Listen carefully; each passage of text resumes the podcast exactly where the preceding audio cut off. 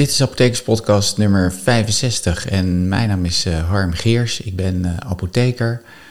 Um, ik weet dat ik al een tijdje geen uh, apothekerspodcast meer online heb gezet. En dat komt eigenlijk een beetje omdat ik wat te druk was. ik probeer er toch weer verandering in te brengen. En ik heb nu een nieuwe, deze podcast nummer 65, die zal gaan over ja, eigenlijk een heel belangrijke stof die in ons lichaam zit, namelijk natrium. En uh, natrium is een, uh, zoals velen van u waarschijnlijk zullen weten, is een belangrijk uh, onderdeel van, van, van, van keukenzout, van natriumchloride. En, en, natrium komt voor in ons lichaam, dus heeft een hele belangrijke rol. waarin heeft het nou een hele belangrijke rol? Nou, dat komt, natrium is een, is een stof die eigenlijk rondom je cellen een belangrijke rol speelt. En, en hoe zit dat nou? Nou, je moet je lichaam zien, die is opgebouwd uit cellen. En die cellen moet je zien als een soort eilandjes die in de oceaan zwemmen. En de oceaan is zout. dus eigenlijk is de hoeveelheid natrium die rondom die cellen uh, is, die is, is belangrijk om, uh, om vocht vast te houden. En te zorgen dat de hoeveelheid water in de cel en de hoeveelheid water uit de cel met elkaar in balans is. En natrium is een belangrijke uh, stofje wat wat eigenlijk vocht aantrekt. En zorgt eigenlijk dat de hoeveelheid water, de hoeveelheid vocht in, je, in, je, in, de, in de vloeistof rondom de cellen, dat die constant blijft. Nou heb je natuurlijk in de cellen ook vocht zitten. En dat vocht wordt met name uh, op peil gehouden door de hoeveelheid kalium. De, hoeveelheid kalium in je cellen is heel erg hoog vergeleken met wat buiten je cellen zit. En dat trekt weer vocht aan. En aan de andere kant zit natrium, wat weer vocht aantrekt. En water kan eigenlijk van de cel in en de cel uit. Nou, dan kan je je voorstellen dat als je een veel te hoog, hoge hoeveelheid natrium hebt, dan zal de, die, die, die concentratie zal toenemen. Het gaat niet om de hoeveelheid, maar met name om de concentratie. En als de concentratie van, de van natrium toeneemt, dan, uh, dan is de, de kracht die dat natrium heeft om water aan te trekken, die neemt toe. En dan zal er water de cellen uitlopen. Andersom, als de hoeveelheid natrium te laag is, dan zal de concentratie, eh, als de concentratie te laag is, sorry, dan zal dus de hoeveelheid kalium in de cel zal in concentratie hoger zijn dan de hoeveelheid natrium. En dat, die, kalium dat kan dan water aantrekken en als gevolg dat de cel een beetje gaat zwellen. En dat is natuurlijk niet wat je wil. En dat moet met elkaar mooi in balans zijn. Uh, toch komt hyponatriëmie, dus een te laag natriumconcentratie, komt heel veel voor. En um, wat is nou zo'n hyponatremie? Nou, zo'n hyponatremie is eigenlijk een, uh, een, uh, een, een, te lage natriumconcentratie. Uh, en en hoe, hoe hoog is die concentratie nou normaal gesproken? Nou, normaal gesproken is de concentratie van je natrium in je lichaam is tussen de 135 en 145 millimol per liter. Nou kan je hoeveelheid concentratie ietsje verlaagd zijn. Dat noemen ze dan een milde hyponatremie. Dan is die tussen de 130 en de 134 millimol per liter. Bij matige hyponatremie praat je over 125 tot 129 millimol per liter. En een ernstige hyponatremie is lager dan 125 millimol per liter. En ehm, nou ja, zoals ik zei, uh, dat is natuurlijk uh, die, die, die, die die lage natriumconcentratie zorgt natuurlijk dat je cellen, de cellen gaan opzwellen, dat die vocht gaan aantrekken. En nou, er is net met name één groepje cellen wat daar niet zo heel goed tegen kan. En dat zijn je hersenen. Die hebben een beperkte ruimte om te zwellen. Dus als die opzwellen, dan, uh, dan, dan geeft dat problemen. En daar kom ik zo meteen nog op terug verderop in, uh, in deze podcast. Eigenlijk uh, is dat natrium is een, een, een, een stofje wat wat, een, wat, wat, wat natuurlijk in je, in je uh, bloed zit en wat, wat, wat dat, volume wat van het bloed zeg maar bepaalt. Maar um, een hyponatremie komt eigenlijk nooit door een tekort aan natrium of zelden door een tekort aan natrium. Dus eigenlijk is de oorzaak van een hyponatremie met name een afwijkende afhandeling van water in je lichaam. En hoe wordt dat water nou gereguleerd in je lichaam? Dat is denk ik belangrijk om te weten. Uh, de hoeveelheid water in je lichaam wordt eigenlijk uh, bepaald door de mate van, uh, hoe, van water die wordt uitgescheiden door je nieren. En in je nieren wordt water uitgescheiden of vastgehouden. Nou, je zult je voorstellen dat als je in de woestijn loopt en je hebt gebrek aan drinken, of je beperkt hoeveelheid drinken, dat op een gegeven moment zal je water verdampen. Nou, wat gebeurt er dan? Dan neemt de hoeveelheid, de concentratie van de natrium in je bloed neemt toe, omdat je eigenlijk zweet en, en, en, en vocht verliest. En uh, dat wordt in je lichaam wordt dat heel goed uh, wordt dat, wordt dat bijgehouden, die, die, die, die concentratie van je natrium. Dat betekent eigenlijk dat je osmolariteit, dat is de hoeveelheid opgeloste deeltjes in je bloed, die stijgt. En dat is een mate van ja, die, die, die osmolariteit is, is heel belangrijk.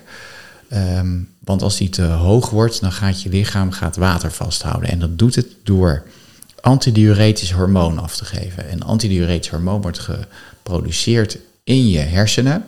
En dat wordt in je bloed afgegeven. En vervolgens komt het bij je nieren terecht. En in je nieren worden dan allerlei waterkanaaltjes worden aangebouwd. Of worden ingebouwd in. Uh, en je nier gaat dan eigenlijk binnen twee minuten uh, gewoon zoveel mogelijk water weer terugwinnen. Niet, niet uitscheiden, maar terugwinnen. Zodat het ten goede komt aan, jou, uh, aan jouw lichaam.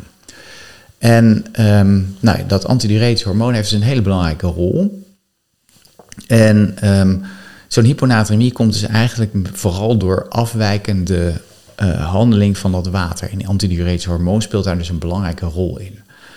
Uh, er wordt dan bijvoorbeeld te veel water vastgehouden als er te veel antidiuretisch hormoon is. Hè, dat, kan, uh, dat leidt dan tot verdunning en tot een hyponatremie. En dat komt bij bepaalde ziekten voor, onder andere bij zeldzame nieraandoeningen.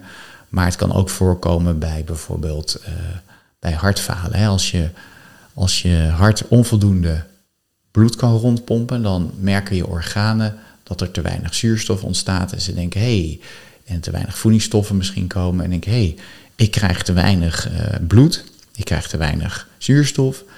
Uh, misschien uh, is er iets aan de hand waardoor er te weinig bloed is. Dus misschien moet ik wat vocht gaan vasthouden om te zorgen dat dat bloedvolume weer normaal is. Ja, en dat is natuurlijk helemaal niet zo, want je hart kan gewoon te weinig rondpompen. En als je dan nog meer water gaat vasthouden, dan leidt dat eigenlijk tot, alleen maar tot verslechtering van het hartfalen. Maar het gebeurt toch. En dat geeft vaak een hyponatremie, omdat je, je nieren meer water gaan vasthouden, waardoor je natrium weer verdunt.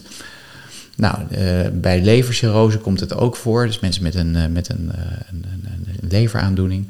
En bij mensen met een afwijking in de bijnier. Die te weinig, hypo, die te weinig aldosteron aanmaken. Dus bij hypoaldosteronisme. Nou, een andere belangrijke oorzaak zijn geneesmiddelen of, of bepaalde drugs die gebruikt worden. Die kunnen ook zorgen dat er te veel vocht wordt vastgehouden. En wat gebeurt er dan eigenlijk? Nou, die geneesmiddelen zorgen er eigenlijk voor dat, terwijl het lichaam normaal gesproken bij een verhoogde uh, natriumconcentratie, of verhoogde osmolariteit van het plasma, antidiuretisch hormoon gaat afgeven. En uh, die geneesmiddelen zorgen eigenlijk dat het op een, op een moment gebeurt dat het eigenlijk helemaal niet nodig is. Dus dan krijg je wel uh, hoeveelheid ADH die wordt afgegeven en gaat je lichaam water vasthouden en daardoor daalt je natriumconcentratie. Nou, waarbij je ook nog wel ziet dat er hyponatremie ontstaat, is bij uh, uitgebreid uh, extreem sporten, bijvoorbeeld sporten in heel warm weer. Uh, hè, bij marathonlopers die dan heel veel vocht en zweet en zout verliezen ook. Maar toch dat weer aanvullen, dat ze dorst krijgen en daar dan heel veel drinken. Dan zie je eigenlijk dat door en water bevat geen zout. Dus je ziet dan dat langzamerhand dat, dat, dat die hoeveelheid natrium die, die, die concentratie natrium verdunt doordat er heel veel water uh, wordt ingenomen en eigenlijk geen zout voorbij komt.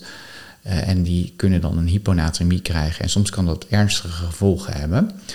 Uh, mensen die heel veel diarree hebben bijvoorbeeld, of heel veel braken, die kunnen ook uitgedroogd raken. Dan, als het later wat beter gaat, dan nemen ze toch veel water, want dan krijgen ze dorst. En dan zie je dat een natrium daalt. En je hebt ook eh, mensen die bijvoorbeeld zoveel water drinken dat je nieren dat niet meer kunnen uitscheiden.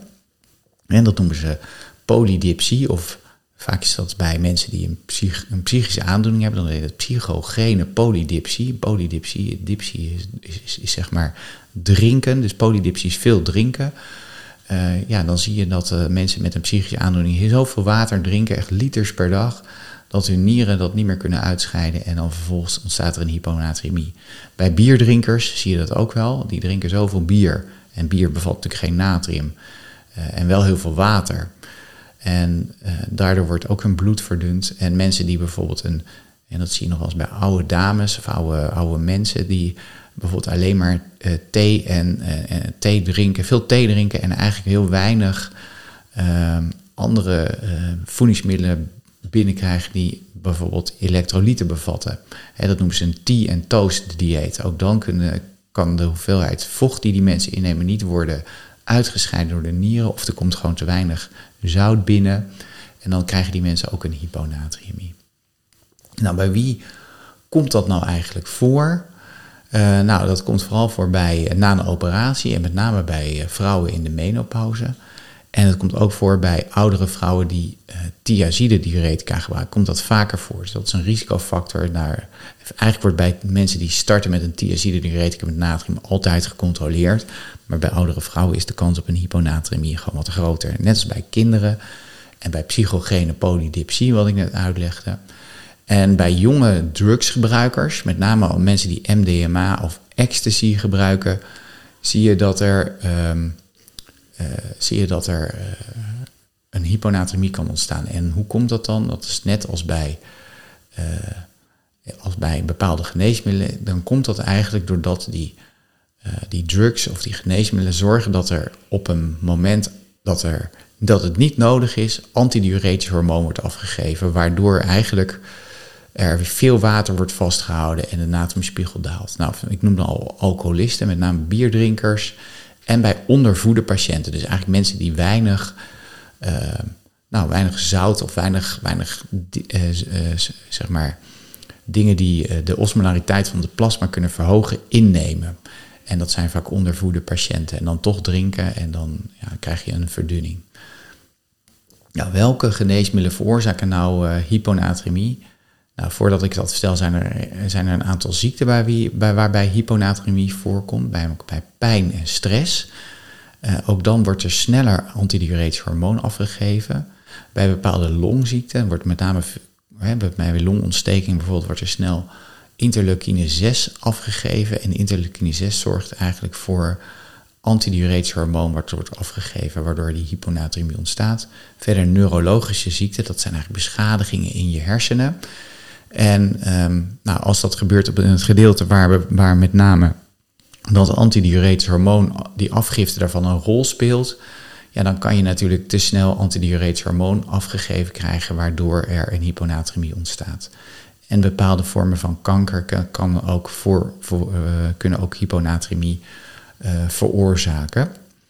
Uh, verder zijn er een hele soort geneesmiddelen die dat kunnen veroorzaken. De bekendste zijn de thiazide diuretica maar ook antidepressiva, de selectieve serotonine heropnameremmers, dus de paroxetine, de fluoxetine, fluvoxamine, uh, al dat soort middelen, uh, fluoxetine, uh, ik noem ze niet allemaal, maar die kunnen, de SSRI's, die kunnen ook, hè, dat zijn antidepressiva, die kunnen ook een uitscheiding van antidiuretisch hormoon bevorderen. Uh, carbamazepine is er eentje, dat is een middel wat gebruikt wordt tegen epilepsie of bij mensen die bijvoorbeeld een een trigeminusneuralgie hebben. Nicotine kan het veroorzaken. Ook de tricyclische antidepressiva kunnen uh, hyponatremie veroorzaken. Antipsychotica, is middelen die bij een psychose worden gegeven. Pijnstillers, NSAID's kunnen dat geven, maar pijn zelf kan het ook geven. Dus de vraag is altijd, komt het nou door de NSAID's of door de pijn?